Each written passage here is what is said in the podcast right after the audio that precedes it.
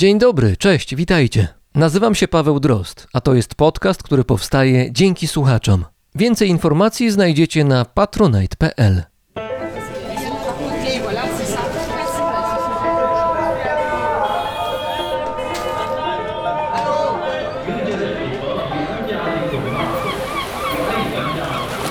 Brzmienie świata z lotu Drozda.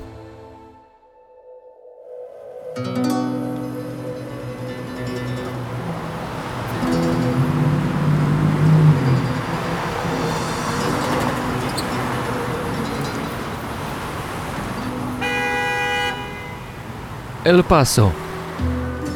Wbrew temu, co zdaje się sugerować serial Breaking Bad, El Paso od wielu lat uznawana jest za jedno z najbezpieczniejszych miast Stanów Zjednoczonych. Leży w zachodnim Teksasie na granicy z Meksykiem. Pobliżu znajduje się duża baza wojskowa, a poza tym miasto nie wyróżnia się niczym szczególnym. Od jedna z wielu wciąż rozrastających się amerykańskich aglomeracji.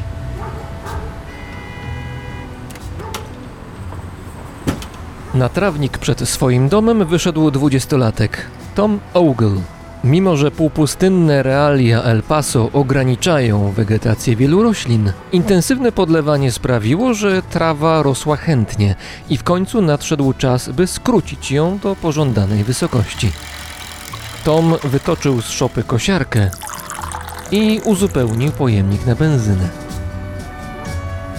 Był rok 1977. Gdyby ta scena miała miejsce dwa lata później, Tom założyłby na głowę słuchawki, a do paska spodni przypiąłby Walkmana. Przenośny odtwarzacz muzyki, rewolucyjny wynalazek firmy Sony, który umożliwił milionom ludzi na świecie słuchanie ulubionych piosenek gdziekolwiek sobie wymarzą. Teraz jednak Walkman istnieje dopiero w pracowniach japońskich inżynierów, a Tom podczas pracy skazany jest na donośny, monotonny dźwięk silnika.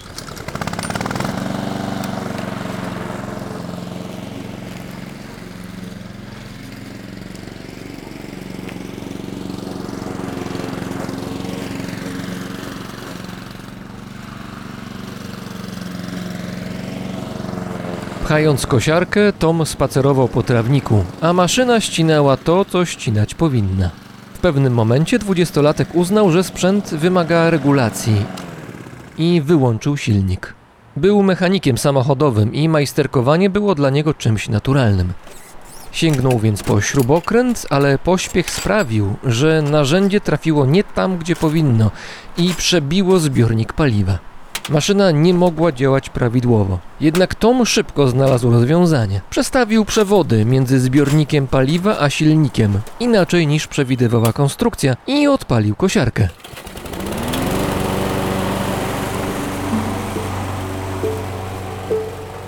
Sprzęt zadziałał.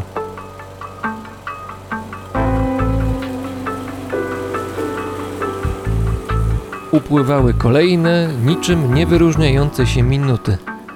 W pewnym momencie, ku swojemu zdziwieniu, Tom zauważył, że mimo ciągłej pracy silnika, benzyna w zbiorniku na paliwo znikała znacznie wolniej niż zwykle. Czyżby stworzona na prędce instalacja coś zmieniła? Nie był tego pewny, dlatego postanowił zostawić włączoną kosiarkę, aż zużyje ona całą benzynę. Okazało się, że była w stanie pracować przez 96 godzin. O wiele dłużej niż powinna. To nie było normalne. Również dla sąsiadów, którzy z pewnością nie byli zadowoleni z wielogodzinnego hałasu, ale Tom wiedział, że zbliżył się do czegoś wielkiego. Do odkrycia, które może zmienić świat.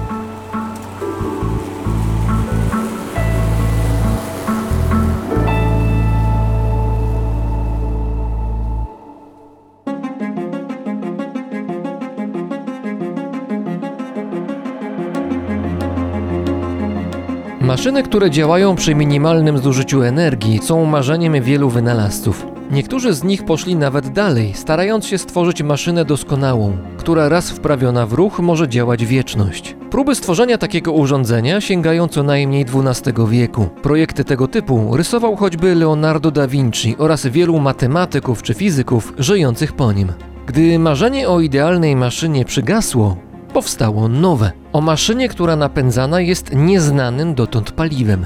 Tempo poszukiwań rozwiązania tego zagadnienia zwiększyło się po rewolucji przemysłowej, a do owładniętych obsesją naukowców dołączyli samozwańczy wynalazcy oraz hochsztaplerzy. W 1872 roku Amerykanin John Kelly ogłosił, że dokonał przełomowego odkrycia. Stworzył silnik, który do pracy wykorzystuje nieznaną wcześniej energię. Zgodnie z jego słowami, kamertony wprawione w drgania sprawiają, że atomy i powietrze, a właściwie tak zwany eter, wchodzą w rezonans. To z kolei wytwarza energię, którą można użyć, by wprawić w ruch silnik.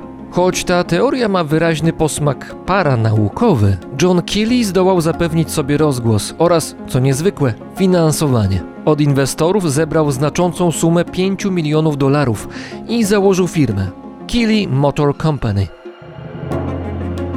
Jedną z osób, która uwierzyła wynalazcy, był John Jacob Astor IV, Amerykanin uznawany wówczas za najbogatszego człowieka świata.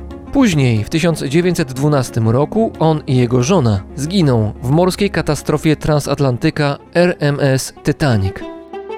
Tymczasem John Keely twierdzi na przykład, że przy pomocy oddziaływania na wodę jest w stanie stworzyć nowy rodzaj pary, lepszej od tej, która była wykorzystywana w silnikach parowych. Opowiadając o swoich dokonaniach, używa złożonych zbitek słów oraz skomplikowanych nazw. Swój silnik nazywa silnikiem hydropneumatyczno-pulsacyjno-parowym.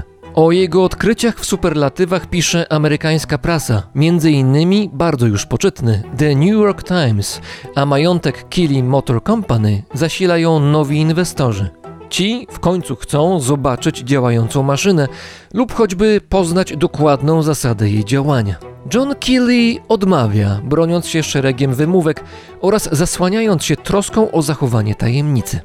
Po długich miesiącach oczekiwania inwestorzy chcą zmusić go do mówienia w sądzie, ale Keely nie poddaje się. Ciągle podkreśla, że jest bliski ukończenia dzieła i gra na czas. W ten sposób mijają lata. Końcu w 1888 roku John Keely trafia na krótko do aresztu za niewykonanie sądownego nakazu ujawnienia akcjonariuszom swojego wynalazku. Keely wychodzi jednak stamtąd bardzo szybko, po interwencji sądu wyższej instancji, a inwestorzy nigdy nie odzyskują swoich pieniędzy. Mimo oskarżeń o oszustwo, John Keely budził zainteresowanie swoim eterycznym wynalazkiem do końca swoich dni, czyli do roku 1899. Całkiem niedawno, bo w 1980 roku, kolejny Amerykanin, Stanley Mayer, twierdzi, że udało mu się zbudować silnik napędzany wodą. Niestety dla wynalazcy, 16 lat później sąd uznaje go za winnego oszustwa. Mimo tego na energetyczne możliwości wody powołuje się również firma Genesis World Energy. W 2002 roku ogłasza, że ma działające urządzenie, które jest w stanie napędzić samochody przy pomocy procesu rozszczepiania wody na wodór i tlen, by później znowu połączyć je w jedno. Firma zebrała 2,5 miliona dolarów na dalsze prace. W 2018 roku jej właściciel trafił do więzienia na 5 lat za przywłaszczenie tych pieniędzy. Pomysłów na wykorzystanie wody było w ostatnich dekadach znacznie więcej, również poza Stanami Zjednoczonymi.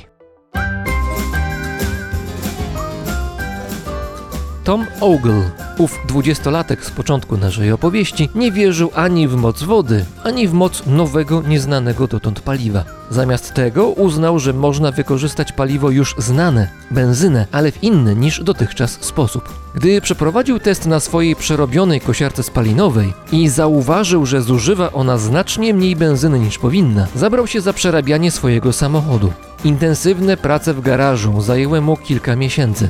W końcu zmodyfikował fabryczną instalację tak, że silnik napędzany był nie tyle benzyną jako taką, co oparami tej benzyny. Dodatkowo wykorzystywane miały być spaliny samochodu, ponownie, jako paliwo.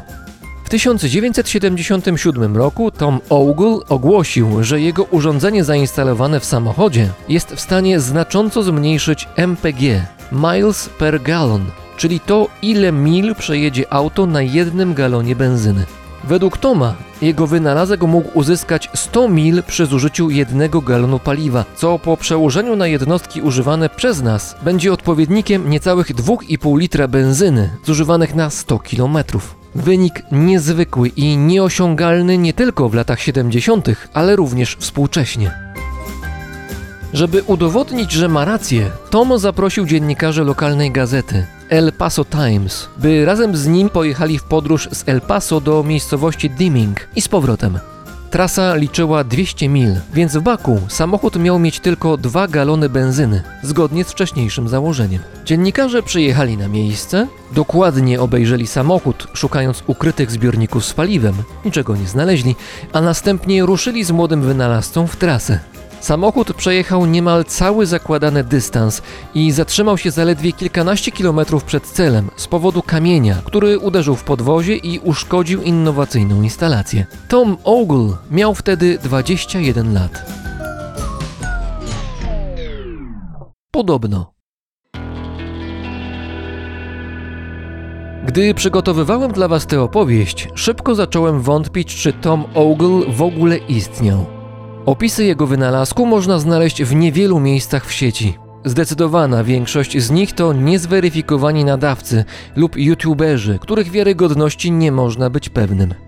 Znaki zapytania rosły, gdy w jednej publikacji Tom Ogle miał 21 lat, a w drugiej 24. Raz przerabiał Forda Galaxy, a innym razem Forda Thunderbirda. W jednej publikacji twierdził, że może przejechać na jednym galonie benzyny 100 mil, a w innym tekście podano, że chodziło o 200 mil. Sprzeczności było bardzo wiele. Zacząłem zastanawiać się, czy cała ta postać nie jest jedynie miejską legendą, szczególnie z racji niejasnego finału tej historii, o której zaraz powiem. A jednak w sieci znaleźć można co najmniej kilka zdjęć, na których widać młodego mężczyznę, czasem w otoczeniu dziennikarzy. Najczęściej stoi przy samochodzie, z którego wystają w nietypowych miejscach przewody i kable. Wszystko wskazuje na to, że Tom Ogle jest realną postacią i coś zbudował. Natomiast wszystkie informacje na jego temat należy wziąć w nawias z założeniem, że mogą nie być prawdziwe lub co najmniej zniekształcone. Przedstawiam więc wersję, która wydaje mi się najbardziej prawdopodobna i opiera się na archiwalnych publikacjach gazety El Paso Times oraz na artykule Rona Leitnera, swego czasu rozchwytywanego przez światową prasę, dziennikarza i fotoreportera.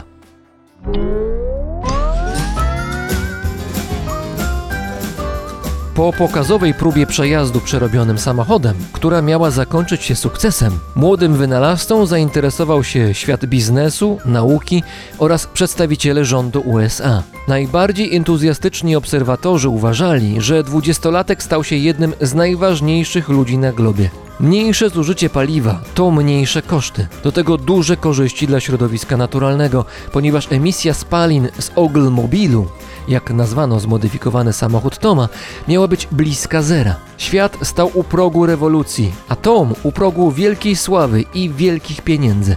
Prasa pisała, że o wynalazcę zabiegali tacy giganci świata motoryzacji i przemysłu wydobywczego jak General Motors, Shell Oil czy Ford. Proponowane sumy za przejęcie praw do Ogle-mobilu sięgały ponad 25 milionów dolarów. W końcu jeden z prywatnych inwestorów podpisał z Tomem umowę. Tom miał otrzymywać duże środki na dalsze badania oraz na rozwój założonego przez siebie pierwszego centrum samochodowego. Docelowo w USA miało powstać ich tysiąc. Oprócz tego wynalazca co miesiąc miał dostawać honorarium w wysokości 5 tysięcy dolarów. Tom Ogle poczuł, że złapał Pana Boga za nogi. Przestał liczyć się z pieniędzmi i zaczął wydawać je na dobra luksusowe. Niestety dla niego wkrótce inwestor wycofał się twierdząc, że zbudował własną instalację, która działa podobnie do instalacji Toma. Źródło pieniędzy wyschło.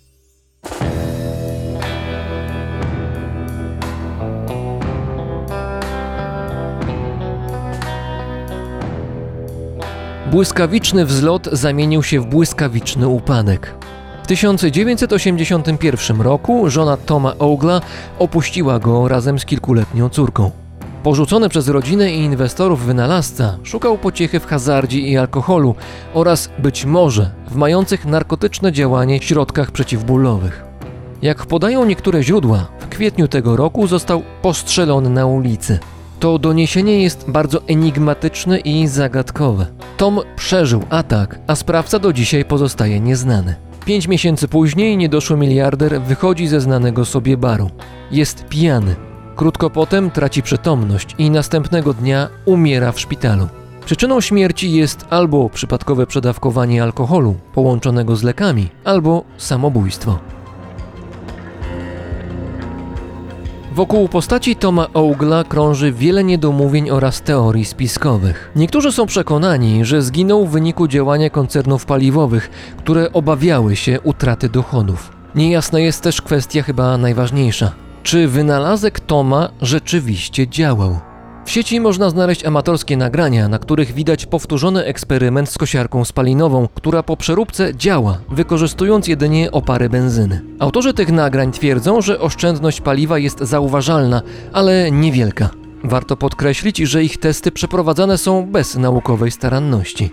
Sprawie przyjrzeli się też autorzy popularnego w USA telewizyjnego programu Mythbusters Pogromcy mitów. Sprawdzane przez nich instalacje podobne do tej z pomysłu Toma Augla okazały się albo mniej oszczędne niż rozwiązania klasyczne, lub też korzyść z ich użycia była nieduża. Naturalnie zwolennicy teorii spiskowych będą przekonani, że wszyscy testujący są opłacani przez koncerny paliwowe, dla których takie instalacje oznaczałyby znaczne zmniejszenie zysków, a Tom Ogle został usunięty jako zagrożenie. Cóż, jak mawiał agent Fox Mulder, Gdzieś tam jest prawda.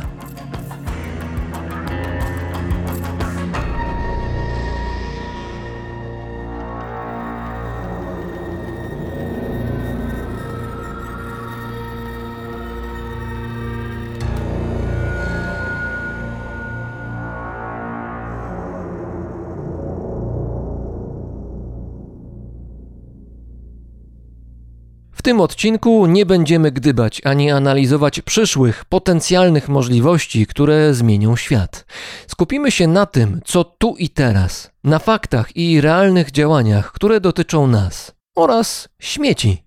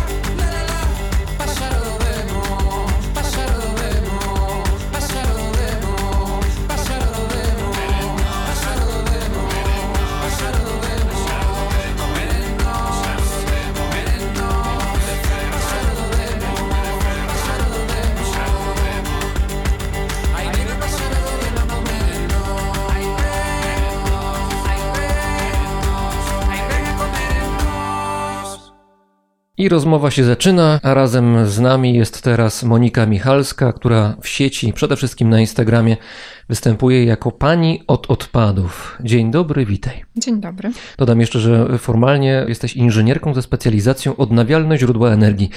Rozmawiać będziemy o śmieciach, chociaż fachowcy chyba bardziej lubią słowo odpady. Tak, i takie są wszystkie definicje i wytyczne w naszym prawodawstwie. Dlatego jestem panią od odpadów, a nie panią od śmieci. A takie słowo występuje w tej terminologii, której używasz? W terminologii takiej oficjalnej nie, natomiast potocznie jak najbardziej. Formalnie śmieci nie ma, tak? Tak. Są Można tylko- tak powiedzieć. Są tylko odpady. No dobrze, to ja postaram się w miarę możliwości trzymać tę terminologię, chociaż przyznaję, że bardziej naturalne jednak śmieci są dla mnie. No ale spróbujmy. A właśnie jeszcze jedna kwestia językowa. Wiem, że dla ciebie istotna. Śmieci nie wywozi się, przepraszam, odpadów nie wywozi się na wysypisko, tylko na, Składowisko. na składowisko się wywozi. A Tak. dl- dlaczego ta pierwsza nazwa jest zła, jest niedobra? Bo jakie masz skojarzenie, jak usłyszysz wysypisko? Że wysypują coś tam. Tak, a ja mam śmieci. takie, że idę przez las i widzę na przykład jakieś stare opony albo starą lodówkę i wtedy Aha. to jest takie wysypisko, czyli miejsce nielegalnego porzucenia odpadów. Natomiast składowisko to jest miejsce, gdzie składuje się odpady, gdzie jest specjalnie przygotowana infrastruktura do tego. Wszystko jest też na papierze legalnie i to też występuje w terminologii odpadowej. Czyli jak w lesie ktoś pozbawiony rozumu wyrzuca śmieci, to tam robi wysypisko, a jak Tak. ktoś rzuca do śmieci tam, gdzie to powinno być, przepraszam, do, do miejsca na odpady, to potem jest wywożone przez śmieciarki i tak dalej, to one to zawożą Na składowisko. Na składowisko. Ale one nie wysypują tych śmieci? W sensie to nie jest tak, że one się jakoś Znaczy tak... samochód się kipruje, tak, czyli się Co, co robi, przepraszam? kipruje. Kipruje się. Tak. Ja sobie muszę zanotować trochę więcej słów nowych. Dobrze, mów dalej. Kipruje. I co on robi, to Tak, znaczy? czyli on kipruje, czyli podnosi tą swoją naczepę Aha. i te odpady się wysypują wtedy. To jest kiprowanie. Tak, to jest kiprowanie. Później jest jeszcze takie rozjeżdżanie tych śmieci, żeby je właściwie ugnieść. A tak, to śmieciarka potem jeździła ta sama? Nie, to są takie specjalne pojazdy, jakieś spychacze, coś, Aha. coś takiego. Spychacz Pojazdy gąsienicowe, no bo kołami byłoby może trudniej trochę, a gąsienica to ma jednak większą powierzchnię, więc jest łatwiej. Śmieci, czy może bardziej odpady, są globalnym problemem. Myślę, że to banalne stwierdzenie. Bank Światowy ocenia, że w ciągu najbliższych 50 lat będziemy, jeżeli się nie opamiętamy, będziemy produkować 70% odpadów więcej niż obecnie. Teraz jest to ponad, mniej więcej oczywiście, 2 miliardy ton rocznie. Państwem, które produkuje najwięcej odpadów są Stany Zjednoczone, ale właściwie nie ma krajów, które odpadów nie produkuje. Są liderzy, są mniejsi liderzy. Polska, no myślę, że w środkowej części stawki się znajduje.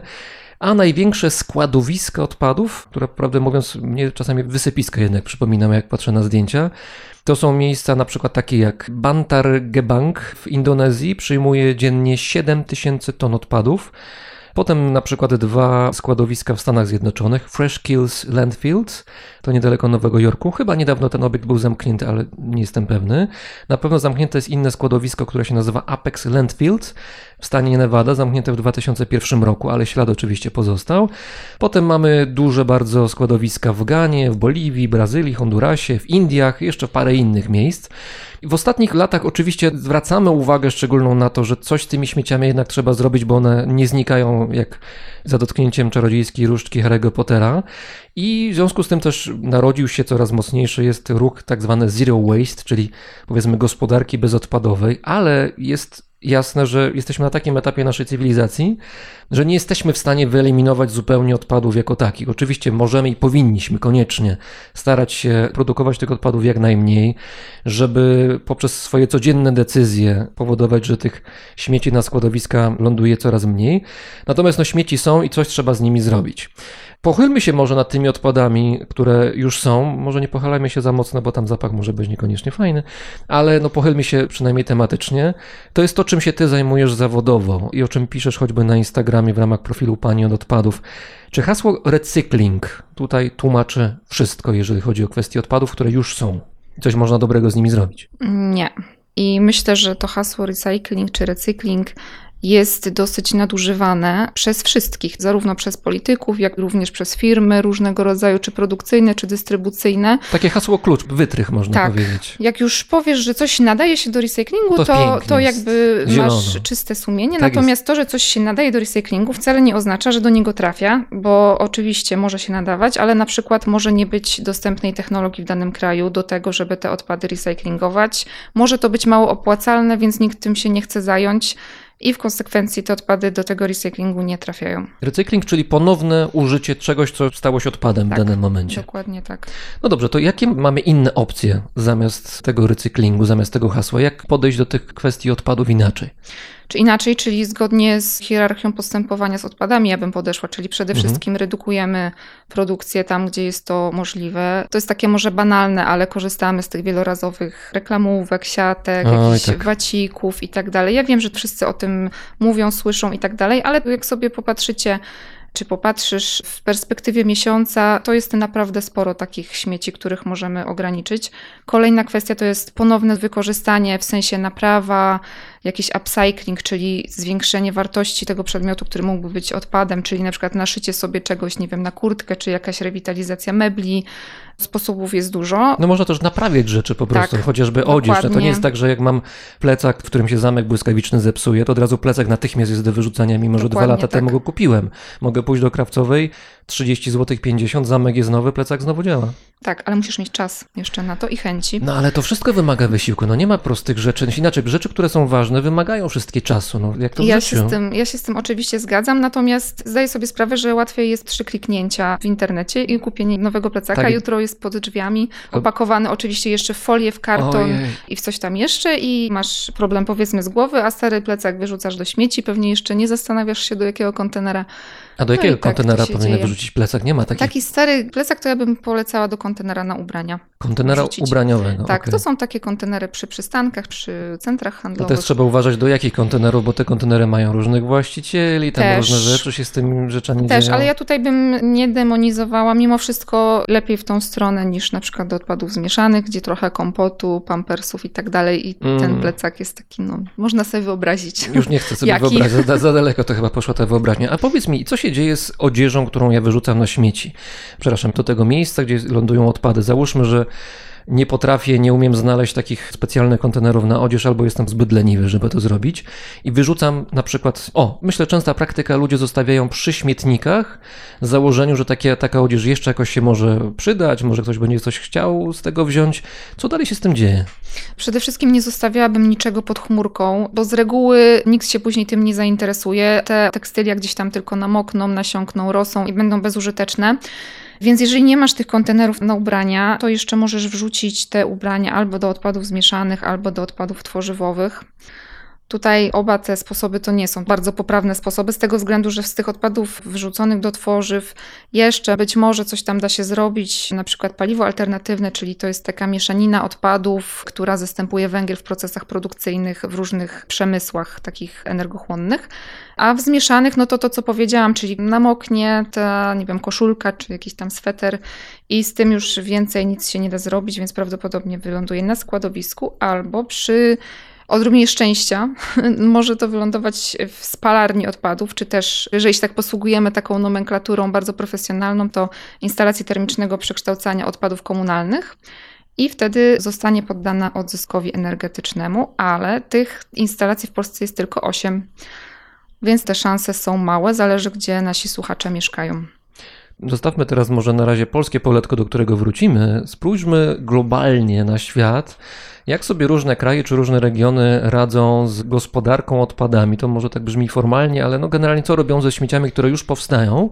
Przypominam, cały czas nawołujemy do tego, żeby w ogóle jak najmniej śmieci produkować w ramach swoich gospodarstw rodzinnych, domowych, ale już kiedy te śmieci są, trafiają na składowiska, co się z nimi dalej dzieje? No jest takie przekonanie, że z jednej strony one zalegają, gdzieś tam sobie leżą, leżą, leżą latami, potem ktoś to zasypuje czymś może, ja mam takie wyobrażenie i potem na tym rosną jakieś drzewka i może trawa i na tym koniec i raz na 10, 20, 30 lat ktoś mówi, że tam się robi niebezpiecznie, bo coś wycieka. Takie mam wyobrażenie a propos składowisk. Czy to jest słuszne wyobrażenie, na przykład jeżeli chodzi o kontekst europejski? Jeżeli chodzi o składowanie w takich warunkach europejskich, zwłaszcza w tych krajach, które należą do Unii Europejskiej, to wszystko jest ustandaryzowane i nie może być tak, że nagle ze składowiska coś tam wycieka, bo są normy, wszystkie te składowiska, nawet już po zamknięciu ich, podlegają rekultywacji, więc nic tam nie powinno odciekać. Dodatkowo właśnie są zabezpieczone różnego rodzaju membranami, mają też zainstalowane takie specjalne sprzęty do tego, aby metan, który gdzieś tam się tworzy na tych składowiskach, był odsysany. Bo tam pracuje wszystko przecież. Tak, wszystko pracuje i to jest całkiem spora doza energii, więc zamiast ten metan, żeby on nie był emitowany do atmosfery, to już teraz chyba większość składowisk w Polsce jest wyposażona w instalacje do odsysania metanu i z tego metanu produkowana jest energia w jednostkach kogeneracji. To nie jest też dużo tej energii, ale ona na przykład jest w stanie zaspokoić potrzeby tego całego przedsiębiorstwa komunalnego, czyli wytworzyć energię elektryczną na przykład do pracy innych urządzeń, Mhm. czy tam do budynków socjalnych i tak dalej. Czyli jest wszystko pięknie i znakomicie, składowiska są oazą spokoju i zieloności wszelkiej. Ale to chyba tak nie jest, prawda? No nie do końca, bo każdy chyba gdzieś kiedyś spotkał się ze składowiskiem, z takim czynnym na przykład, gdzie są pewnego rodzaju nieprzyjemne zapachy, dużo ptactwa jest, więc to ptactwo wiadomo, musi gdzieś się później wypróżniać, jak się naje na tym składowisku. Oczywiście to nie jest tak, że na składowisko trafiają tylko te odpady takie już przetworzone, biodegradowalne i tak dalej, tylko jednak nadal spora część plastiku też trafia na to składowiska. Te foliówki właśnie nieszczęsne się walają, fruwają przy tym składowisku. Także to nie jest takie piękne. Oczywiście rekultywacja też istnieje. Natomiast te wszystkie odpady nadal zostają w danym miejscu. Frakcja biodegradowalna się rozłoży, natomiast to szkło, czy tam metal, plastik i tak dalej zostaje. No może nie na zawsze, ale za naszego życia pewnych rzeczy się nie rozłożą. Istnieje taki proceder, przynajmniej mnie się wydaje, że wciąż istnieje, który polega na tym, że sprzedajemy czy kupujemy możliwość wywiezienia swoich śmieci dalej poza granice swojego kraju. Najczęściej transfer, tak jak czytałem, odbywa się od tych państw, które są zasobne, do tych państw, które są zasobne mniej. Czy to zjawisko dalej funkcjonuje? Jeżeli tak, to w jakiej skali? Funkcjonuje, ale w skali dużo mniejszej niż to było kilka jeszcze lat temu. I tutaj chciałabym bardzo mocno podkreślić, że na teren Polski nie można przywozić odpadów, które są odpadem zmieszanym.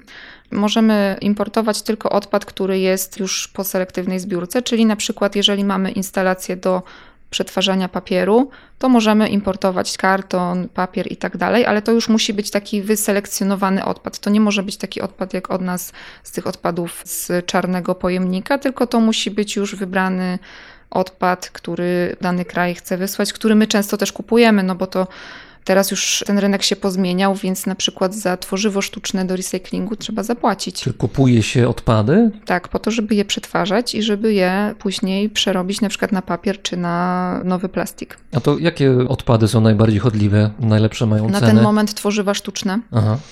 Mają bardzo duże wzięcie w Europie Zachodniej, bo wszyscy chcemy teraz mieć wszystko w opakowaniach z recyklingu i firmy też poszły w tym kierunku, że to dobrze PR-owo wygląda, więc jest zapotrzebowanie na te tworzywa sztuczne. Dodatkowo w wyniku pandemii trochę zamknął się ten rynek chiński. Więc nam też tych tworzyw zaczęło brakować. Polska jest też dużym recyklerem papieru, też sprowadzane są te odpady papierowe z zagranicy. To są te dwie główne kategorie. Wytłumacz mi taki paradoks, bo ja mam takie przekonanie, że odpadów plastikowych, na przykład butelek PET, które są z morą, mam wrażenie, odpadów tego jest o wiele za dużo i mnóstwo ludzi kupuje wciąż jeszcze butelki z wodą, chociaż w większości polskich na przykład miast można pić wodę z kranu. Zupełnie bezproblemowo, ale ludzie kupują wodę w butelkach PET. Dlaczego ich może brakować? Jak to jest możliwe, skoro ich jest ich tak dużo? Jest bardzo duża konkurencja, bo jeżeli chodzi, tak jak już wspomniałeś o te butelki PET, nowe butelki PET, takie, w których możesz kupić wodę czy tam inny napój, Mhm. y, muszą powstać z plastiku, który też był butelką PET, ale taką butelką, w której była poprzednio woda. Na przykład, jeżeli miałeś płyn do mycia naczyń i on był w butelce PET, z tej butelki nie może powstać nowa butelka, w której będzie woda na przykład sprzedana. To znaczy, że gdzieś musi być, gdzieś musi być jakieś, jakieś przedsiębiorstwo, które jest w stanie oddzielić jedne butelki od drugich. Tak, oczywiście i w Polsce są takie przedsiębiorstwa. Druga kwestia to jest taka, że bardzo dużo PETA idzie na produkcję poliestru, czyli naszych wspaniałych ubrań i to już jest, my to nazywamy downcycling, czyli to nie jest obieg zamknięty, tylko przetwarzamy coś na coś innego, co później już się nie da przetworzyć. No bo Czyli butelka PET, tam Butelka była woda PET na na przykład polar. albo sok, Tak. potem jest polar i na tym koniec. na tym Już koniec, no bo da. tego polaru się nie da już przetworzyć. Mhm. Mówiąc już o takim recyklingu, więc tego PETA trochę brakuje, a jest duże zapotrzebowanie. I dlatego kupujemy my w Europie ten PET gdzieś Tak. za granicą, to się poza kontynentem. I poza kontynentem może to być, ale też pomiędzy krajami kupujemy z zachodu. Niemcy się chwalą, przykładowe kraje, no bo zaraz za granicą, chwalą się, że ich recykling wynosi około 50% z tego co pamiętam, bardzo wysoko jak na skalę europejską. No świetnie, no znakomity wynik, tylko że z drugiej strony, e, jeszcze w ogóle powiem, że dla porównania w Polsce ten recykling wynosi około chyba 25%, prawda? O Teraz połowę już mniej. tam bliżej 30 Bliżej- jest, no, ale... no ale wyraźnie tak. mniej. Natomiast trzeba też znać kontekst, bo Niemcy produkują, zdaje się, dwa razy więcej odpadów niż Polacy. W związku z tym powstaje takie trochę wrażenie, że recykling jest czymś bardzo dobrym i świetnie, no ale ważna też jest skala produkcji śmieci jako takich czy odpadów. Tak, i akurat Polska jest jeszcze na tym fajnym miejscu, gdzie jesteśmy w ogonku Europy akurat pod tym pozytywnym względem, że jesteśmy krajem, który produkuje najmniej tych odpadów w Europie. Troszeczkę nam to rośnie co roku. W 2021 wyprodukowaliśmy o 16 kg odpadów więcej na głowę. Czyli Mhm. każdy z nas te 16 kg więcej, tak przynajmniej podaje. Rocznie. Tak, rocznie, tak przynajmniej podaje GUS. Dla przykładu Dania, która kojarzy mi się osobiście na przykład z rowerem. No niedawno i- miałem odcinek o rowerach w Kopenhadze. Tak, Kopenhaga, rowery i Slow Life produkuje ponad 800 kg na osobę. No ja a wiem, że Szwajcaria też jest liderem, Tak. a też wychodzi, że to jest taki kraj zasobny, kraj Tak. dobrobytu, znakomity. Finlandia chyba nawet jest dosyć wysoko. Tak, ogólnie kraje skandynawskie są bardzo wysoko z tego względu, że one mają bardzo dużo żywności wysoko przetworzonej albo już wręcz gotowej do zjedzenia. Tam raczej się mało gotuje, wszystko jest już obrane, ziemniaki, Mhm. cokolwiek. I te opakowania powstają, z tym, że oni troszeczkę lepiej sobie radzą może z tymi odpadami, bo mają trochę lepiej rozwiniętą tą segregację, czyli co za tym idzie, ten recycling jest łatwiejszy u nich, przekształcają termicznie te odpady, więc poszli w tym kierunku i nie muszą tak bardzo eksportować odpadów na zewnątrz. Ale z tym recyklingiem to chyba różnie bywa, jeżeli chodzi o te kraje zamożniejsze w Europie, bo wiem, to z prawie pierwszej ręki mam informację, że w Szwajcarii na przykład ta segregacja jest tak w porównaniu z Polską na bardzo niskim poziomie. No, to nie jest kraj należący do Unii Europejskiej oczywiście, ale jednak kojarzony z krajem dobrobytu, gdzie te standardy wydawałoby się, że powinny być wysokie, a chyba nie są. Akurat w Szwajcarii byłam kilka razy. Tam to wygląda w ten sposób, że nie wiem, czy działa tam system kaucyjny. Wydaje mi się, że tak, więc oni już mając ten system kaucyjny, wszystko to, co nadaje się do recyklingu, idzie w ten system kaucyjny, a reszta jest zbierana razem. Tak coś mi się wydaje, że tak to się dzieje. Tutaj jest ta przewaga, ten system kaucyjny, czysty surowiec, więc to też troszeczkę inaczej wygląda. Wytłumacz jedną rzecz, która myślę, że kontrowersją jest wciąż wśród wielu ludzi. Jak to jest z tym, że staramy się segregować śmieci w domu, mamy po kilka koszy. To dla wielu ludzi jest kłopotem, takim czysto fizycznym, żeby to wszystko zmieścić gdzieś w mieszkaniu i żeby to wszystko miało ręce i nogi. Potem trzeba pilnować, wynosić i tak dalej, i tak dalej do odpowiednich kubów. Potem, i teraz tutaj mówię o tym o wyobrażeniach ludzi, przyjeżdża ta nasza śmieciarka, która, co ona robi tam na tym składowisku, bo to słowo? Kipruje się. Kipruje. Więc zanim się się skipruje, to jeszcze wcześniej musi te śmieci, odpady, przepraszam, zebrać. No i jest takie wrażenie, że ona zabiera wszystko razem i cały ten mój wysiłek, ja się starałem przez te tygodnie segregować tutaj nakręteczkę, tutaj jakąś folióweczkę, tutaj jakiś ogryzek, a potem przyjeżdża ta śmieciarka i zanim ona wykipruje to wszystko na tym składowisku, to bierze wszystko razem. No i cały mój wysiłek poszedł na marne. To jak to jest? To zależy. Aha. Bo niestety, oczywiście, zdarzają się błędy firm, które odbierają tych pracowników w zasadzie, które odbierają odpady, i może się zdarzyć tak, że wezmą te odpady razem i faktycznie je wymieszają.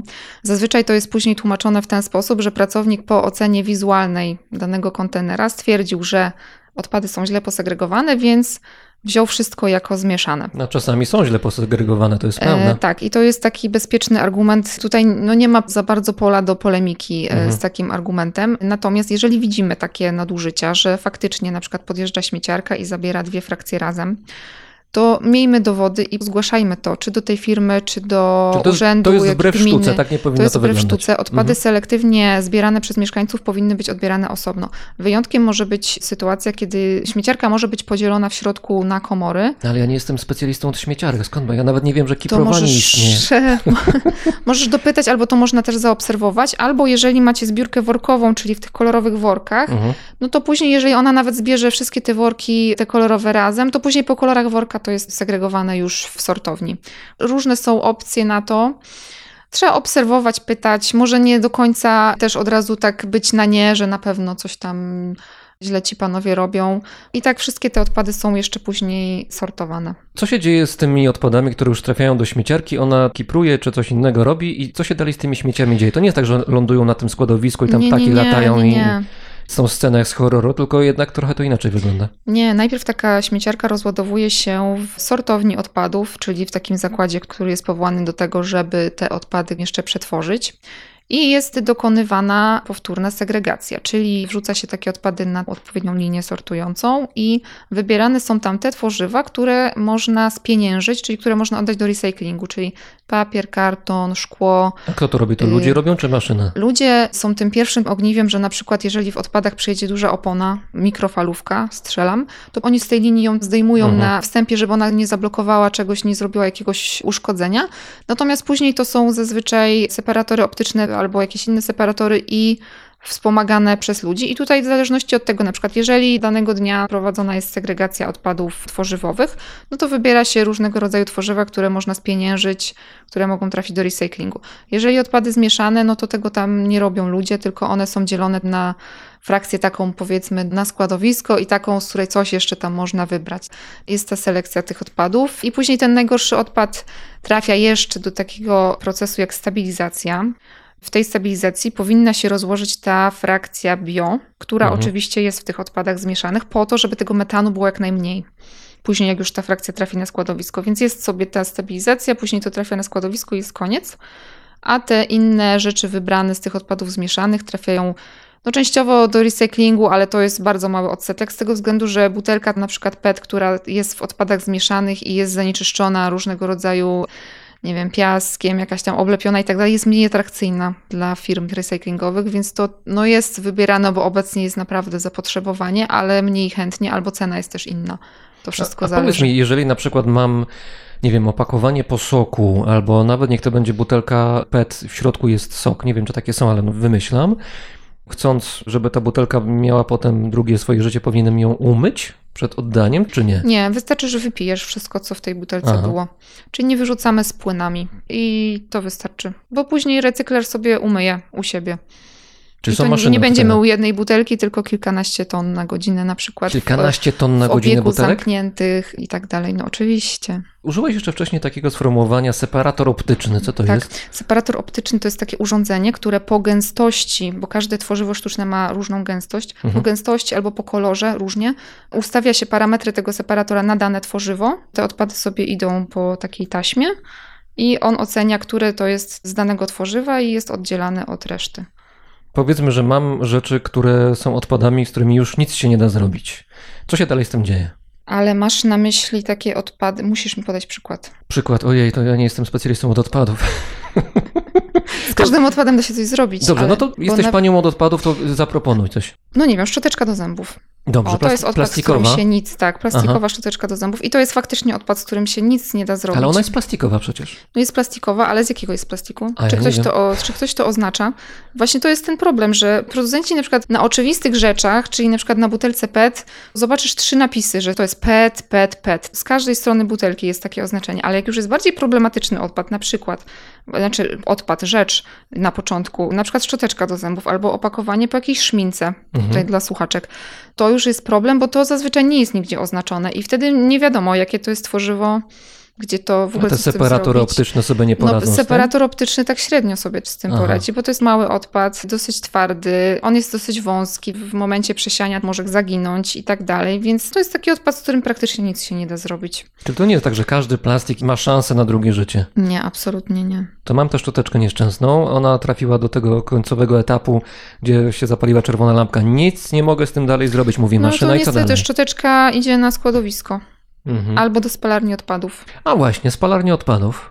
To brzmi jak wizja z przyszłości, gdzie wszystko dymi, zasnute smogiem niebo. Wszyscy się dusimy, chodzimy w maskach przeciwgazowych, żeby dbać o swoje życie. Jak to jest z tymi spalarniami? Oj, jestem, znaczy zwolenniczką. Może to jest za Zwolenniczką dużo. spalarni Zwolenniczką, ale może to jest za dużo powiedziane, później znowu będą nagłówki.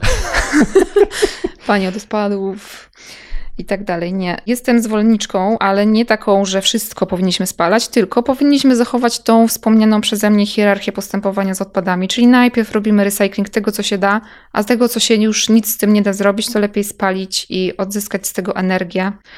na przykład dla mieszkańców danego miasta i w ten sposób przekształcić te odpady, a nie składować ich, bo składowanie to jest moim zdaniem najgorsza droga dla odpadów.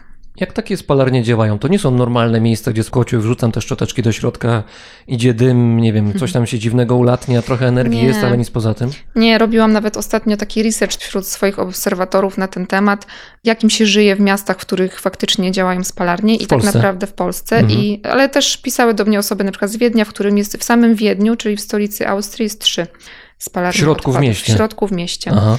To była pierwsza, jaką ja w życiu odwiedziłam. I... A to byłaś w środku? Tak, No to oczywiście. opowiadaj. Sympatycznie, fajnie? No fajnie. A w maseczce Ptaszki przeciwgazowej? Śpiewają. Pta Nie. Ptaszki śpiewają? Nie, bez żadnej maseczki trzeba mieć oczywiście kask, no bo wiadomo, w takich obiektach trzeba mieć kask, Jasne. okulary ochronne i kamizelkę odblaskową i to są wszystkie zabezpieczenia, jakich ty potrzebujesz. To jest duży obiekt? To jest dosyć duży obiekt industrialny. Najciekawsza część takiego obiektu to jest oczywiście dla mnie przynajmniej ten moment, kiedy przyjeżdżają te śmieciarki i się kiprują tak, do, do tego bunkra, czyli wysypują te odpady. Zazwyczaj śmieciarka przejeżdża przez taką śluzę zamykaną, żeby jak ona się opróżnia, to żeby ten zapach gdzieś tam nie wychodził Mhm. na zewnątrz.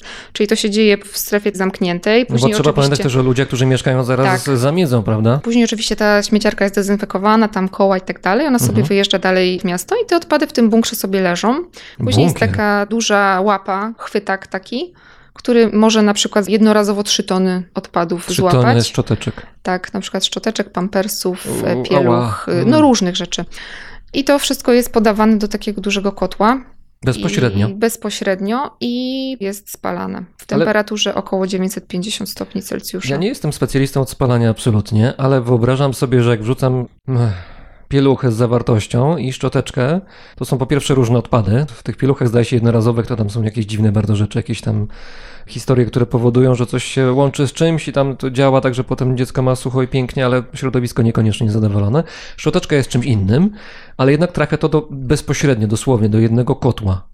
Na czym polega trik w takim razie, że to działa, jak rozumiem, ma sens i ptaszki śpiewają, jak powiedziałeś. Trik, trik polega na tym, że wysoka temperatura powoduje to, że większość tych szkodliwych substancji, jak węglowodory aromatyczne czy tego typu historie, Mhm. y, ulegają samorozkładowi. To jest pierwsza rzecz. Druga rzecz jest taka, że to nie jest tak, że my spalamy, a później spaliny z tej spalarni od razu trafiają w komin, że tak powiem, czy tam Mhm. to emitor. Bardziej, bardziej, bardziej profesjonalnie i są wprowadzane do atmosfery, tylko te spaliny ulegają później wieloetapowemu oczyszczaniu. Na mokro, na sucho, czyli najpierw te większe cząstki są wyłapywane przez filtry pyłowe, później te spaliny przechodzą przez różnego rodzaju płuczki, tak żeby później na zewnątrz wypuszczać. Kiedyś mój promotor na studiach użył takiego porównania, coś co ma mniej w sobie tych szkodliwych substancji niż papieros. I Każda spalarnia ma obowiązek pokazywać emisję w stanie rzeczywistym. I jak sobie Mhm. wejdziecie na strony internetowe poszczególnych spalarni w Polsce, To jest publiczne? to jest publiczne. A. Możesz sobie w tym momencie wejść i masz chyba za dzisiejszy dzień albo za wczoraj podane parametry emisyjne, czyli ile tam było NOxów, Co to czyli są noksy? noksy to są tlenki azotu, czy ile tam było tlenku węgla. I te spalarnie odpadów są bardzo obwarowane obostrzeniami. Limity emisyjne są naprawdę niskie i bardzo rygorystyczne, dużo niższe niż na przykład dla takich elektrowni na węgiel. Naprawdę to wszystko podlega bardzo szczegółowej kontroli i tutaj jakby nie ma miejsca na pomyłkę, bo też online jest podpięty urząd, Wojewódzki Inspektorat Ochrony Środowiska. W każdej chwili może sobie zobaczyć, jakie są te emisje i w danym momencie wstrzymać pracę takiej instalacji. Także tutaj nie ma żadnego czarnego dymu, muszę Was rozczarować. Czasami może być biały, Ja, jak jest się z temperatura. Trochę Jak jest taka dalej. temperatura, że jest taki mrozik, na przykład jesienią, że jest troszeczkę chłodniej, to powietrze, które tym emitorem idzie, ono jest trochę cieplejsze, więc ono robi taki obłok z pary wodnej. Korzyść z tego, że spalarnie są, zakładając, że one działają tak jak mówisz, że to wszystko jest Mhm. lega artis, pięknie tam z tymi wskaźnikami, noksami, wszystko działa. Korzyść jest taka, że śmieci mamy mniej, to znaczy nie składujemy je, tylko robimy coś z nimi, czyli spalamy. I mamy jeszcze energię. Jakiego Tak. rodzaju skala zysku energetycznego w takich spalarniach występuje? Jak możemy to porównać? Słyszałam, że chyba na przykład w Krakowie, tam gdzie działa spalarnia, produkcja energii elektrycznej to jest tyle, ile potrzebują tramwaje krakowskie przez rok. To jest taka skala, powiedziałabym, już dosyć odczuwalna i widoczna. Mhm. Musiałam się upewnić też, ile tej energii dokładnie tam jest i jakie to są wielkości, ale to jest już odczuwalne dla takiego miasta. Takie spalarnia, składowiska, cała ta otoczka związana z zarządzaniem odpadami, to też jest jakiś rodzaj biznesu. Można na tym jakoś zarobić. W tym sensie, że spalarnia produkuje energię, jak rozumiem, że też ją jakoś, nie wiem, sprzedaje sprzedaje, ktoś recykluje te butelki PET na przykład, które jak mówi, że są potrzebne, to chyba jest rozwijający się biznes, że świat biznesu zauważył, że można zarobić na czymś, co nam przeszkadza. Tak, można zarobić. To jest dosyć lukratywny biznes w tym momencie. To może na przykładach oprócz butelek PET? Chemia gospodarcza, wszystkie opakowania po detergentach, twarde plastiki typu zderzaki samochodów, foteliki, jak masz na działce, na przykład krzesełko, Mhm. stolik plastikowy i tak dalej, to wszystko może trafić do recyklingu. Oczywiście najdroższy w tym momencie jest ten PET, bo jest też najbardziej pożądany, natomiast te inne plastiki, tworzywa sztuczne też sobie świetnie radzą. Folia rolnicza na przykład. Rolnicy mają duży problem z tym, że gminy nie chcą odbierać od nich tej folii, ale ona jest przez recyklerów bardzo pożądana, bo to jest jednolity materiał, czyli składa się z jednego polimeru i to jak najbardziej może być przetwarzany, tylko jest problem z tym, że nie ma takiej zbiórki. Jest mało może wyspecjalizowanych firm w tym, ale to też można spieniężyć. Folia rolnicza, to jeszcze sprecyzuj, co to jest? Jak jedziesz czasami w Polskę, są takie baloty, białe albo czarne zazwyczaj, takie Aha. okrągłe, no to to jest ta folia, w którą są właśnie Okej. te kiszonki zawijane. Z jakimi śmieciami jest największy problem, jeżeli chodzi o to, co z nimi dalej zrobić? W tym momencie no z tymi, z którymi nic się nie da zrobić, czyli których się nie da zrecyklingować i w ogóle z tymi, które są, bo jest ich dużo i w tym momencie w Polsce nie ma wystarczających mocy przerobowych, na przykład, że gdybyśmy od jutra zaczęli wszyscy segregować odpady bio, tak jak Pan Bóg przykazał, czyli osobno do jakiegoś małego pojemniczka i to wysypywać i tak dalej, no to w tym momencie nie ma tylu instalacji, żeby te wszystkie odpady bio z całej Polski przetworzyć. A jak się przetwarza w ogóle odpady bio? Robi się nawozy z tego, czy co się da? Można robić? zrobić nawóz, czyli poddaje się kompostowaniu ten odpad, z tego się robi nawóz, inaczej produkt polepszający właściwości gleby. Mm, tak to musi mieć to oczywiście swój cer- certyfikat i Mhm. tak dalej, musi przejść sieć różnych badań.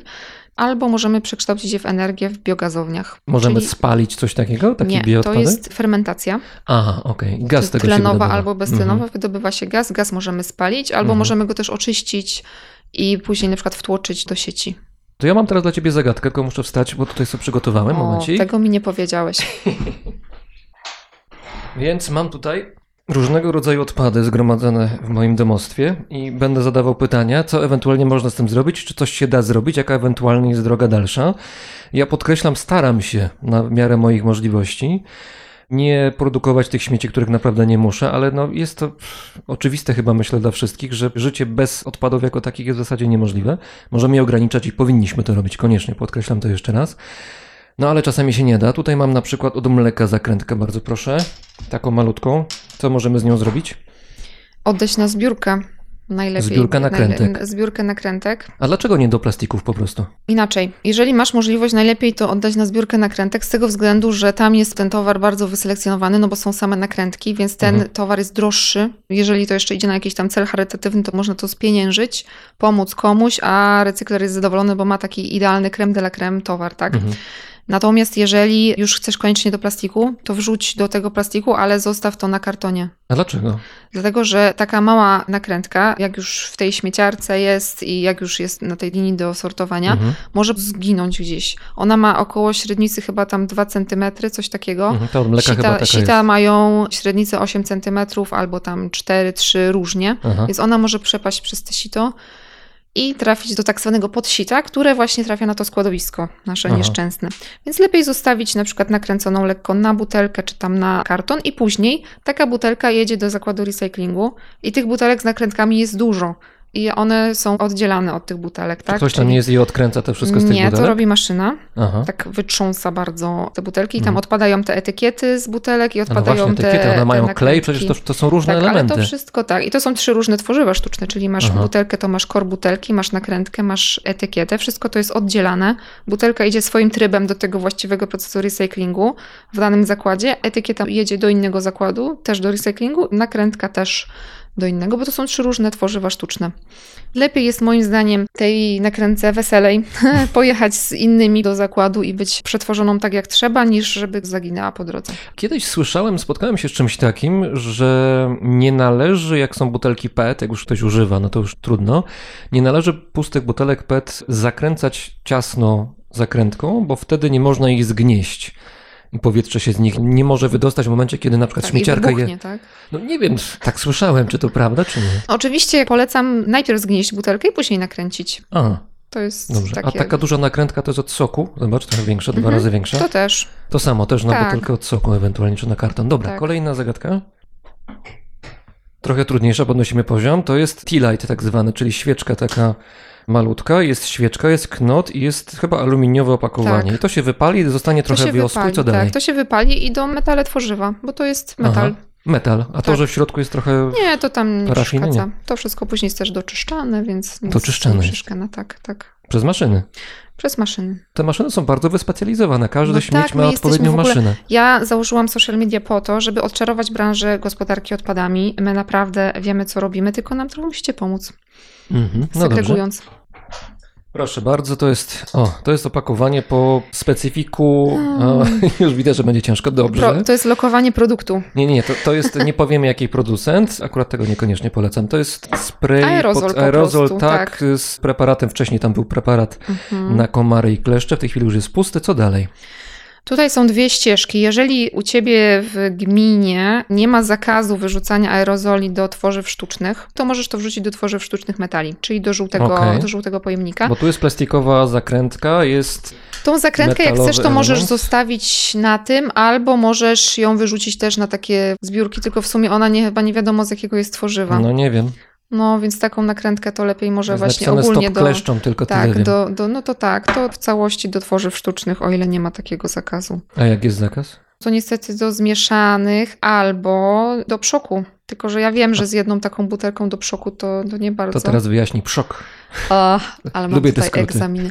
Punkt selektywnej zbiórki odpadów komunalnych. Mhm. To jest takie miejsce, gdzie wszystkie problematyczne odpady, które powstały u ciebie w domu, możesz oddać bezpłatnie. Każdy powinien mieć dostęp do takiego przoku. Nieważne, czy to będzie jeden na gminę, czy na przykład czasami jest tak, że jest jeden na kilka gmin, ale musi być takie miejsce. To jest obowiązek gminy zapewnić mieszkańcom takie miejsce, żeby problematyczne odpady mogli zawieść. Tam. A na przykład stare lekarstwa, jak nie wiem, jakieś odpady medyczne, których nie mogę zostawić w aptece, bo w aptece zdaje się można, czy nawet trzeba, jak się ma przeterminowane lekarstwa zanieść, Tak. ale nie wszystko pewnie jestem w stanie tam zamieścić. To jest dobra wola apteki, czy Mhm. ona prowadzi taką zbiórkę, czy nie, bo później koszt tego ponosi apteka, czyli apteka A. musi zapłacić firmie, która się specjalizuje w odpadach medycznych. Czyli nikt apteki nie wspiera w tym, że ona zbiera coś takiego. Tego nie wiem na pewno, ale wydaje mi się, że nie. Dlatego Mhm. one tak restrykcyjnie trochę do tego podchodzą i na przykład jak masz jakieś ostre, strzelam, jakieś igły, strzykawki, Mhm. tego typu odpady, a robisz sobie zastrzyk w domu, to to nie jest odpad medyczny, tylko Nie? to jest odpad zwykły komunalny i on powinien trafić do odpadów zmieszanych, natomiast ja Ojej. się z tym trochę nie zgadzam i tutaj nam brakuje rozwiązania. Przok powinien odebrać takie odpady, ala medyczne powiedzmy również. Bezpłatnie wszystko to się odbywa. To się odbywa bezpłatnie, ale musisz mieć uiszczoną tą opłatę śmieciową, którą tam płacisz raz w miesiącu, czy jakoś tak. No płacisz U siebie, w miejscu tak, zamieszkania. Tak, tak, tak, dokładnie. Okej, tak. dobrze. Kolejny element. Tu akurat jeszcze zawartość znajduje się w środku. To jest o, takie opakowanie, buteleczka, nie wiem, ona ma 15 cm. W środku znajduje się przyprawa. Butelka jest szklana, naklejka jest, no jak to naklejka, na górze jest plastikowy element z takim o, małym wieczkiem. Zakładamy, że butelka jest pusta. Co dalej? Jeśli ona jest szklana i jest opakowaniem, to jest szkło opakowaniowe, czyli wrzuciłabym ją do szkła. No ale góra jest plastikowa. Ale góra jest plastikowa, więc górę się później oddzieli. Ewentualnie, jeżeli ty masz możliwość demontażu, bo tu Aha. jeszcze nie powiedziałeś Państwu, że to jest taki młynek chyba, tak? Tak, tak, tak, tak. Taki młynek. właśnie, no to Mhm. jeżeli masz możliwość demontażu, to tą plastikową część do plastiku, Mhm. a tą szklaną do szkła opakowaniowego. Dobrze. Ach, poważna rzecz. To jest akumulator od urządzenia jakiegoś. Ja wiem, że powinienem to zanieść do miejsca, gdzie takie rzeczy się składuje, specjalne miejsca z elektroniką i z takimi akumulatorami, ale co dalej się z tym dzieje? To mnie interesuje. Jest prowadzony recycling akumulatorów, czyli Mhm. są wyciągane te różne przewody z tego akumulatora. Później na przykład ta obudowa, ona jest chyba plastikowa, to Mhm. później ta obudowa też jest rozdrabniana i może trafić do recyklingu. Konsensus jest taki, że ten akumulator cały jest rozbierany na części i Mhm. wy- wybiera się z niego to, co jeszcze można przetworzyć. Chyba całość jest do przetworzenia. To jeszcze jeden element. Tego akurat nie chcę wyrzucać, bo jest używany, ale to jest rzutka do tarczy z takim ostrym O, zakończeniem. Się rzuca i się trafia, albo się nie trafia. I więc tak, jest element metalowy, zaostrzony ostro i potem jest element plastikowy. Co ja z tym robię? Gdybym chciał wyrzucić, No, jeżeli możesz oddzielić ten element, to ja bym oddzieliła albo odcięła bardziej chyba, bo to nie wiem, Mhm. czy to się ręcznie da się zrobić. No i ten element plastikowy, on jest taki dosyć mały, to jest case trochę jak ta szczoteczka do zębów, czyli Aha. zmieszane, a ten metalowy do metalu. Nieważne jak mała cząstka metalowa, czy zszywka na przykład to będzie, czy agrafka, czy coś większego, to jest bardzo łatwo wydzielić z odpadów. To są odpowiednie magnesy i, A, tak i one po Przyciągają po prostu prostu. Czy tak. nawet takie drobiazgi Tak, właśnie. nawet, nawet kluczyk od puszki aluminiowej, takie, takie rzeczy. Także to warto wrzucać jak najbardziej do metali tworzyw sztucznych. Powiedz mi, jak wygląda w tej chwili przyszłość tego rynku gospodarowania odpadami? To znaczy, czy są jakieś pomysły na to, jak jeszcze to usprawnić, jak zrobić to lepiej? No przy okazji też te firmy zarabiają na tym, to powiedzieliśmy, na gospodarce odpadami, ale czy jest jakaś szansa na to, że to będzie działało lepiej, skuteczniej, że bardziej będziemy z tego korzystać? No już jak te śmieci jakieś są wyprodukowane, no już trudno, żeby coś się z nimi dalej działo. Nie mamy wyjścia. Teraz powiem jeszcze tak z perspektywy Polski, że my jesteśmy zobligowani do tego, aby jak najmniej tych odpadów składować i do 2035 roku ma to być 10% tylko Mhm. odpadów składowanych. A reszta albo spalona, albo tam No, w jakiś recykling, sposób, albo coś tak, się w z tym jakiś dalej sposób dzieje. zagospodarowane. Natomiast no, jesteśmy na etapie, gdzie jeszcze nam dużo brakuje do tego, żeby osiągnąć te limity składowania. Więc na pewno będzie się ta branża rozwijała, będzie się rozwijał recycling. Teraz jest bardzo duży boom, no bo mamy problemy z energią, jest duży boom na biogazownie, więc teraz wszystkie firmy myślą o tym, żeby budować gdzieś biogazownie albo mniejsze spalarnie odpadów, Mhm. po to, żeby właśnie tą energię produkować z odpadów. I zobaczymy, może ktoś wynajdzie jakąś fajną technologię przetwarzania odpadów, bo trochę jeszcze brakuje. Na przykład tak, żeby można było przetwarzać różne rodzaje tworzyw sztucznych.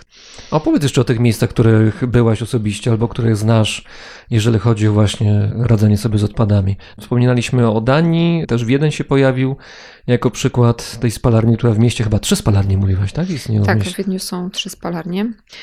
Następnym razem, jak będę jechał przez Wiedeń, to się zaciągnę, żeby sprawdzić, jak to działa. My, jako Polska, uważam, że nie jesteśmy bardzo w tyle za Europą, mówiąc tym takim językiem zachodnią. Moim zdaniem dużo lepiej nam idzie z odpadami niż w Grecji, czy Mm. w takich krajach jak Rumunia czy Węgry. Ale mówisz teraz o produkcji odpadów, czy o przetwarzaniu Yy, odpadów? Produkujemy mniej więcej tyle samo, ale jeżeli chodzi o przetwarzanie, to myślę, Mhm. że idzie nam dużo lepiej, bo tam ta zbiórka selektywna praktycznie jeszcze nie istnieje, mimo że te kraje są w Unii Europejskiej, więc to też jest warte uwagi. Wspomniałeś przedtem USA, tam też sporo odpadów jest wyrzucanych i składowanych tak o. Po Jak, prostu. jak w starych, dobrych Tak, czasach. i tam też bardzo Mhm. dużo jest odpadów, które są odpadami żywności i też są wyrzucane, bo w 2018 roku 21% odpadów w USA, czyli z kilkudziesięciu, kilkuset milionów, to były odpady żywności. To jest dosyć smutne. Też znam z pierwszej ręki na przykład kwestię Nepalu. Można powiedzieć Himalaje, Nepal, czysto, pięknie i tak dalej. Natomiast tam na dole no jest trochę smutny obraz tej rzeczywistości, gdzie te odpady leżą na ulicach, Chyba większość z nas słyszała takie historie o tym, jak to śmieci w basecampie pod Everestem na wysokości ile? 5600 metrów bodaj, tam jest ten basecamp aktualnie, bo ma być obniżony niedługo. Tam te śmieci też się walają po tych wszystkich Himalajstach, Tak. po grupach, ekipach, no to jest ten problem i od czasu do czasu tam przyjeżdżają ekipy, głównie chyba Nepalczyków, próbują to sprzątać, ale problem naprawdę jest Znaczy, dojmujący. spróbują sprzątać, ale zauważmy, że pozbierają te odpady i zniosą je w dół, A no właśnie, ale nie mają z nimi co zrobić. to nie znika. To nie znika, więc Mhm. oni później oczywiście robią ręczną selekcję Mhm. plastiku zazwyczaj, który można spieniężyć, czy na przykład metalu. I to podejrzewam, że jest sprzedawane do Indii, bo u nich w Nepalu nie ma ani jednego zakładu przetwarzania odpadów, A w a reszta są? po prostu leży. W Indiach są, natomiast no, Indie też są bardzo zaśmieconym krajem. Jedna rzecz to jest bardzo mała świadomość Mhm. ludzi i też jeszcze infrastruktury nie ma tak do końca, żeby te odpady przetwarzać, ale są zakłady recyklingu w Indiach. A to przypomniałem sobie jednej rzeczy, że niedawno całkiem byłaś w miejscu, które jest bardzo nietypowe, jeżeli chodzi o odpady, i te odpady są bardzo nietypowe. Szukasz wzrokiem, widzę, Gdzie ja byłam? gdzie byłaś. Radioaktywne odpady. A, tak. Aha, no to słuchamy, bo to już bardzo nietypowa rzecz. Mam nadzieję, że większość z nas, albo wszyscy może, nie mają żadnych odpadów radioaktywnych, no ale jednakowoż duże zakłady czy państwa w większej skali takie odpady czasami mają. Mamy elektrownie atomowe chociażby w Europie, we Francji, w Wielkiej Brytanii, w paru jeszcze innych miejscach. Gdzieś te odpady potem muszą się znajdować. Teraz po tej wizycie to ja mogę o tym mówić i mówić. Więc Rozsiadam może, się więc wygodnie, może tak powiem, to też dla mnie było wstrząsem, no bo ja nie ukrywam, że atom, podchodzę do niego troszkę z lękiem, bo nie znam tej technologii, natomiast uważam, że jest nam potrzebny ogólnie, żeby zabezpieczyć nas energetycznie. No ale sobie tak myślę, kurczę, zawsze te odpady, mówi się o tym, że jest zielona energia, ale te odpady radioaktywne są. I dowiedziałam się, że rok pracy takiej elektrowni atomowej, jak jest przewidywana w Polsce, to jest około 30 ton odpadu w postaci tego paliwa z, z Mhm. reaktorów, czyli to jest niewiele, jakby tak na to spojrzeć, na przykład ile produkujemy tych odpadów komunalnych. No ale też pytanie, jakie to są odpady, bo to są odpady To jest, radioaktywne. tak, już to, jest... są odpady radioaktywne, które No muszą przez kilkanaście lat leżakować w basenach wypełnionych wodą po to, aby stracić temperaturę i dopiero Mhm. później mogą zostać zeskładowane. Czyli to jest zatopione w wodzie. Tak. Aha. A Tak, co się dzieje z dokładnie. wodą? Ta woda potem nie jest czysta, jak sądzę.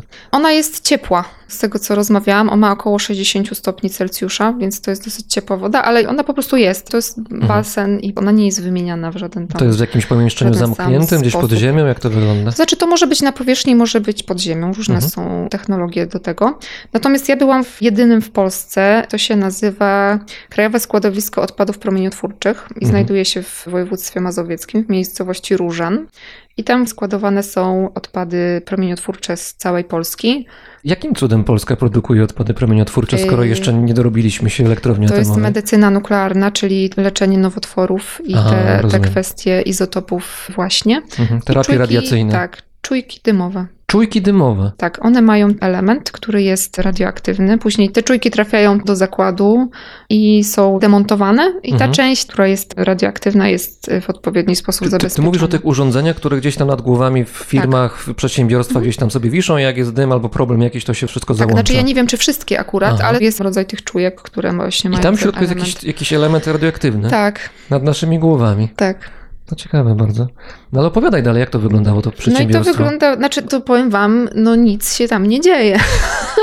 Więc to nie, nie jest takie mutantów, spektakularne. Nic się nie dzieje, nikt się nie, nie, goni. nikt nie biega, nikt nie goni, nic nie dymi. Dozymetr nie, nie Y. Nie, mieliśmy, dostaliśmy dozymetry, przez Aha. cały czas wskazywał on zero. Y, Mm, Później nuda. jeszcze byliśmy zbadani na takiej bramce dozymetrycznej, więc później musiałam podpisać oczywiście tak oświadczenie, że wszystko w porządku. Te odpady są cementowane, czyli zatapiane w specjalnej mieszance betonu, cementu, Ale po tym wychłodzeniu, i tak? tak Po dalej. tych, po tych basenach? To znaczy my nie mamy w Polsce takich odpadów w postaci tego paliwa radioaktywnego, bo my jeszcze nie mamy elektrowni. A, no tak. Więc ja tutaj mówię akurat o tych źródłach właśnie z tych czujek, czy Mhm. właśnie tego typu jakichś tam izotopowych i tak Czyli te dalej. baseny są w tych Tam, gdzie są elektrownie. w Europie tak, w innych tak, miejscach. Tak, tak, tam gdzie działają elektrownie. Jasne. Tutaj to są takie mniej spektakularne odpady i one są zatapiane w cemencie, są cementowane, jest kilka tam barier. Dodatkową taką barierą jest to, że lokalizacyjnie to składowisko znajduje się na terenie dawnego fortu, więc tam są też chyba skały ilaste, które są nieprzepuszczalne i tak dalej, więc to jest Mhm. taka dodatkowe jeszcze zabezpieczenie i w ten sposób to wygląda. No nic spektakularnego tam nie było, ale to jest bardzo ciekawy temat. Tylko, że nawet jak są w tym betonie zatopione i zakładamy, że bezpiecznie będą sobie tam leżakować przez lat, nie wiem, kilkadziesiąt albo jeszcze więcej, przez sto, to jednak będą tam cały czas, prawda? To nie znika. Niestety, tak.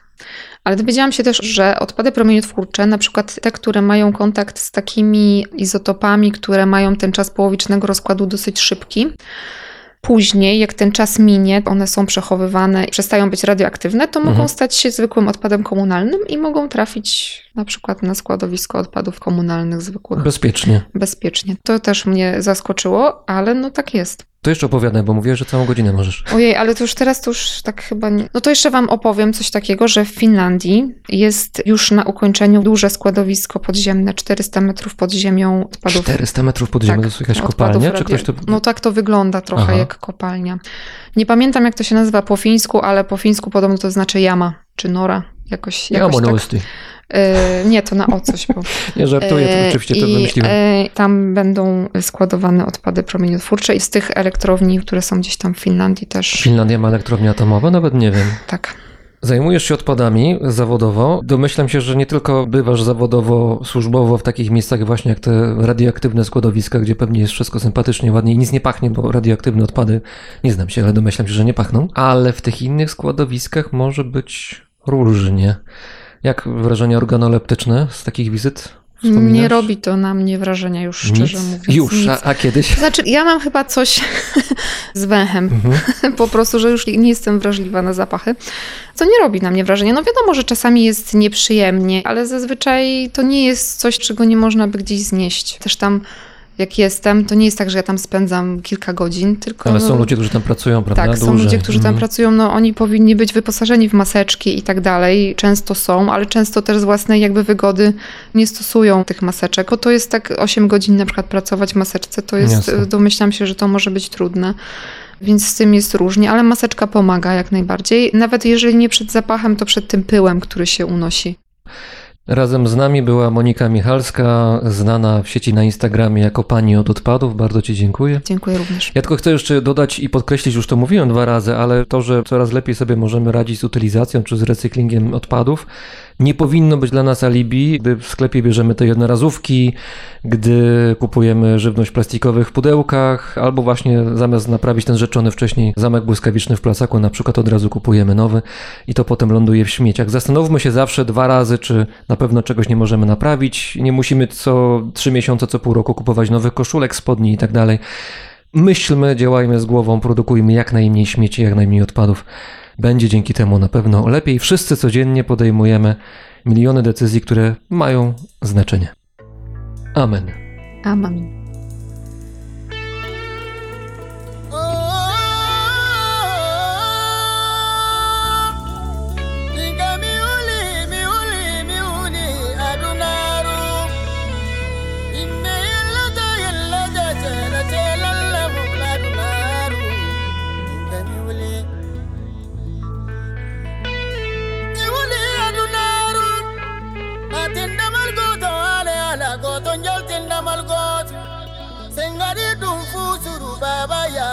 soul.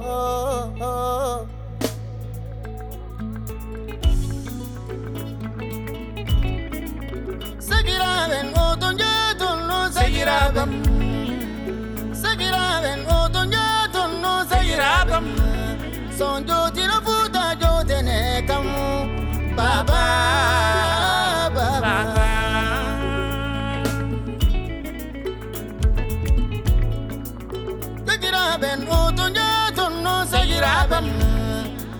Segiraben, oh, don't you don't know Segiraben? Son, don't you know?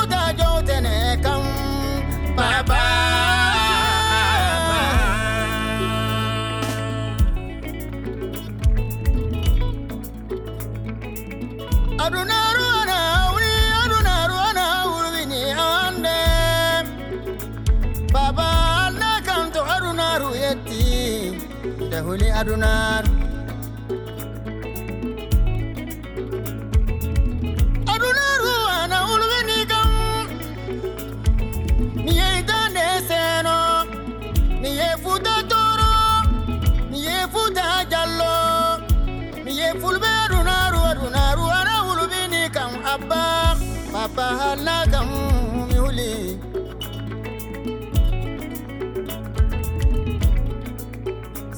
Segiraben, otoñato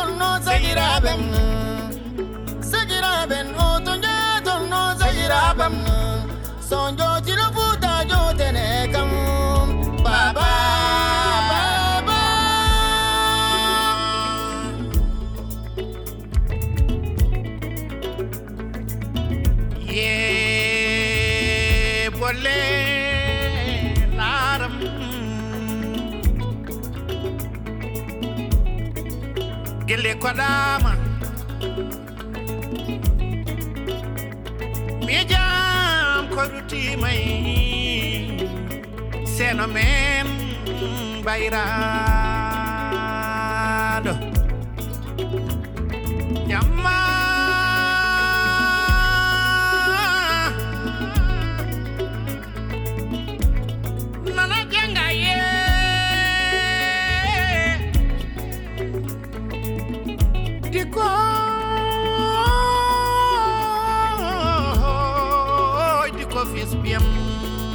tunganam jam sattungi miijam koyno de ndene saare meɗen seno men mbayra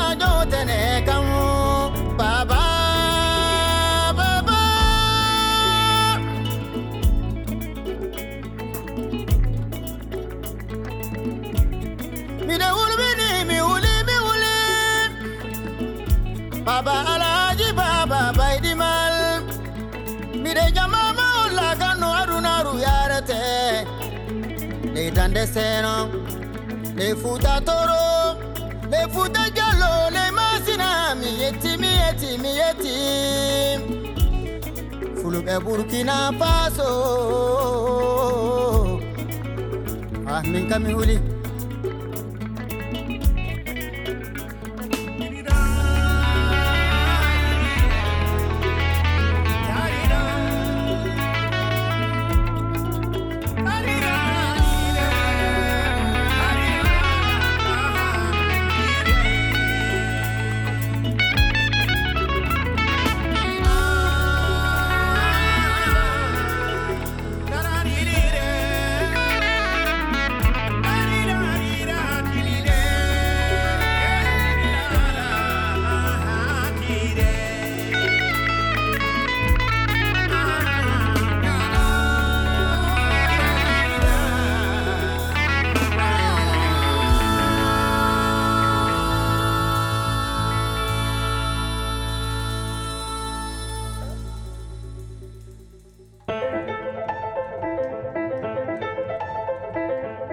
To był 116 odcinek Brzmienia Świata, podcastu, który powstaje dzięki słuchaczom. Wszystkim patronom i patronkom oraz firmie Ampio Smart Home dziękuję za hojną pomoc. Zbiórka na patronite.pl trwa i można dołączyć do niej w każdej chwili, do czego zachęcam. Jestem wdzięczny za każdą wpłatę. Specjalne podziękowania kieruję do światoczułego patrona brzmienia świata, firmy Ergo Ubezpieczenia Podróży.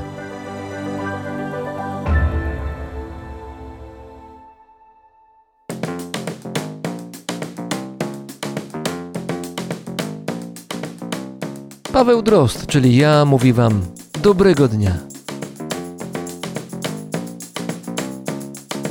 Mio trappe en nous pour tomber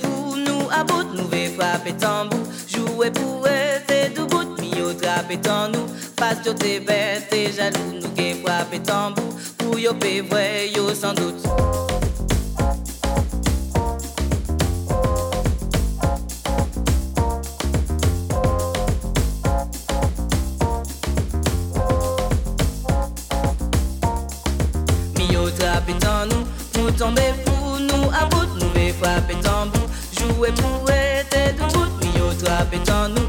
Parce que t'es bête et jaloux nous qui frapper tambour pour yo pe vrai sans doute Mio trappe en nous. Pour tomber pour nous à bout nous vais frapper tambour jouer pour être debout Mio trappe en nous. Parce que t'es bête et jaloux nous qui frapper tambour pour yo pe vrai sans doute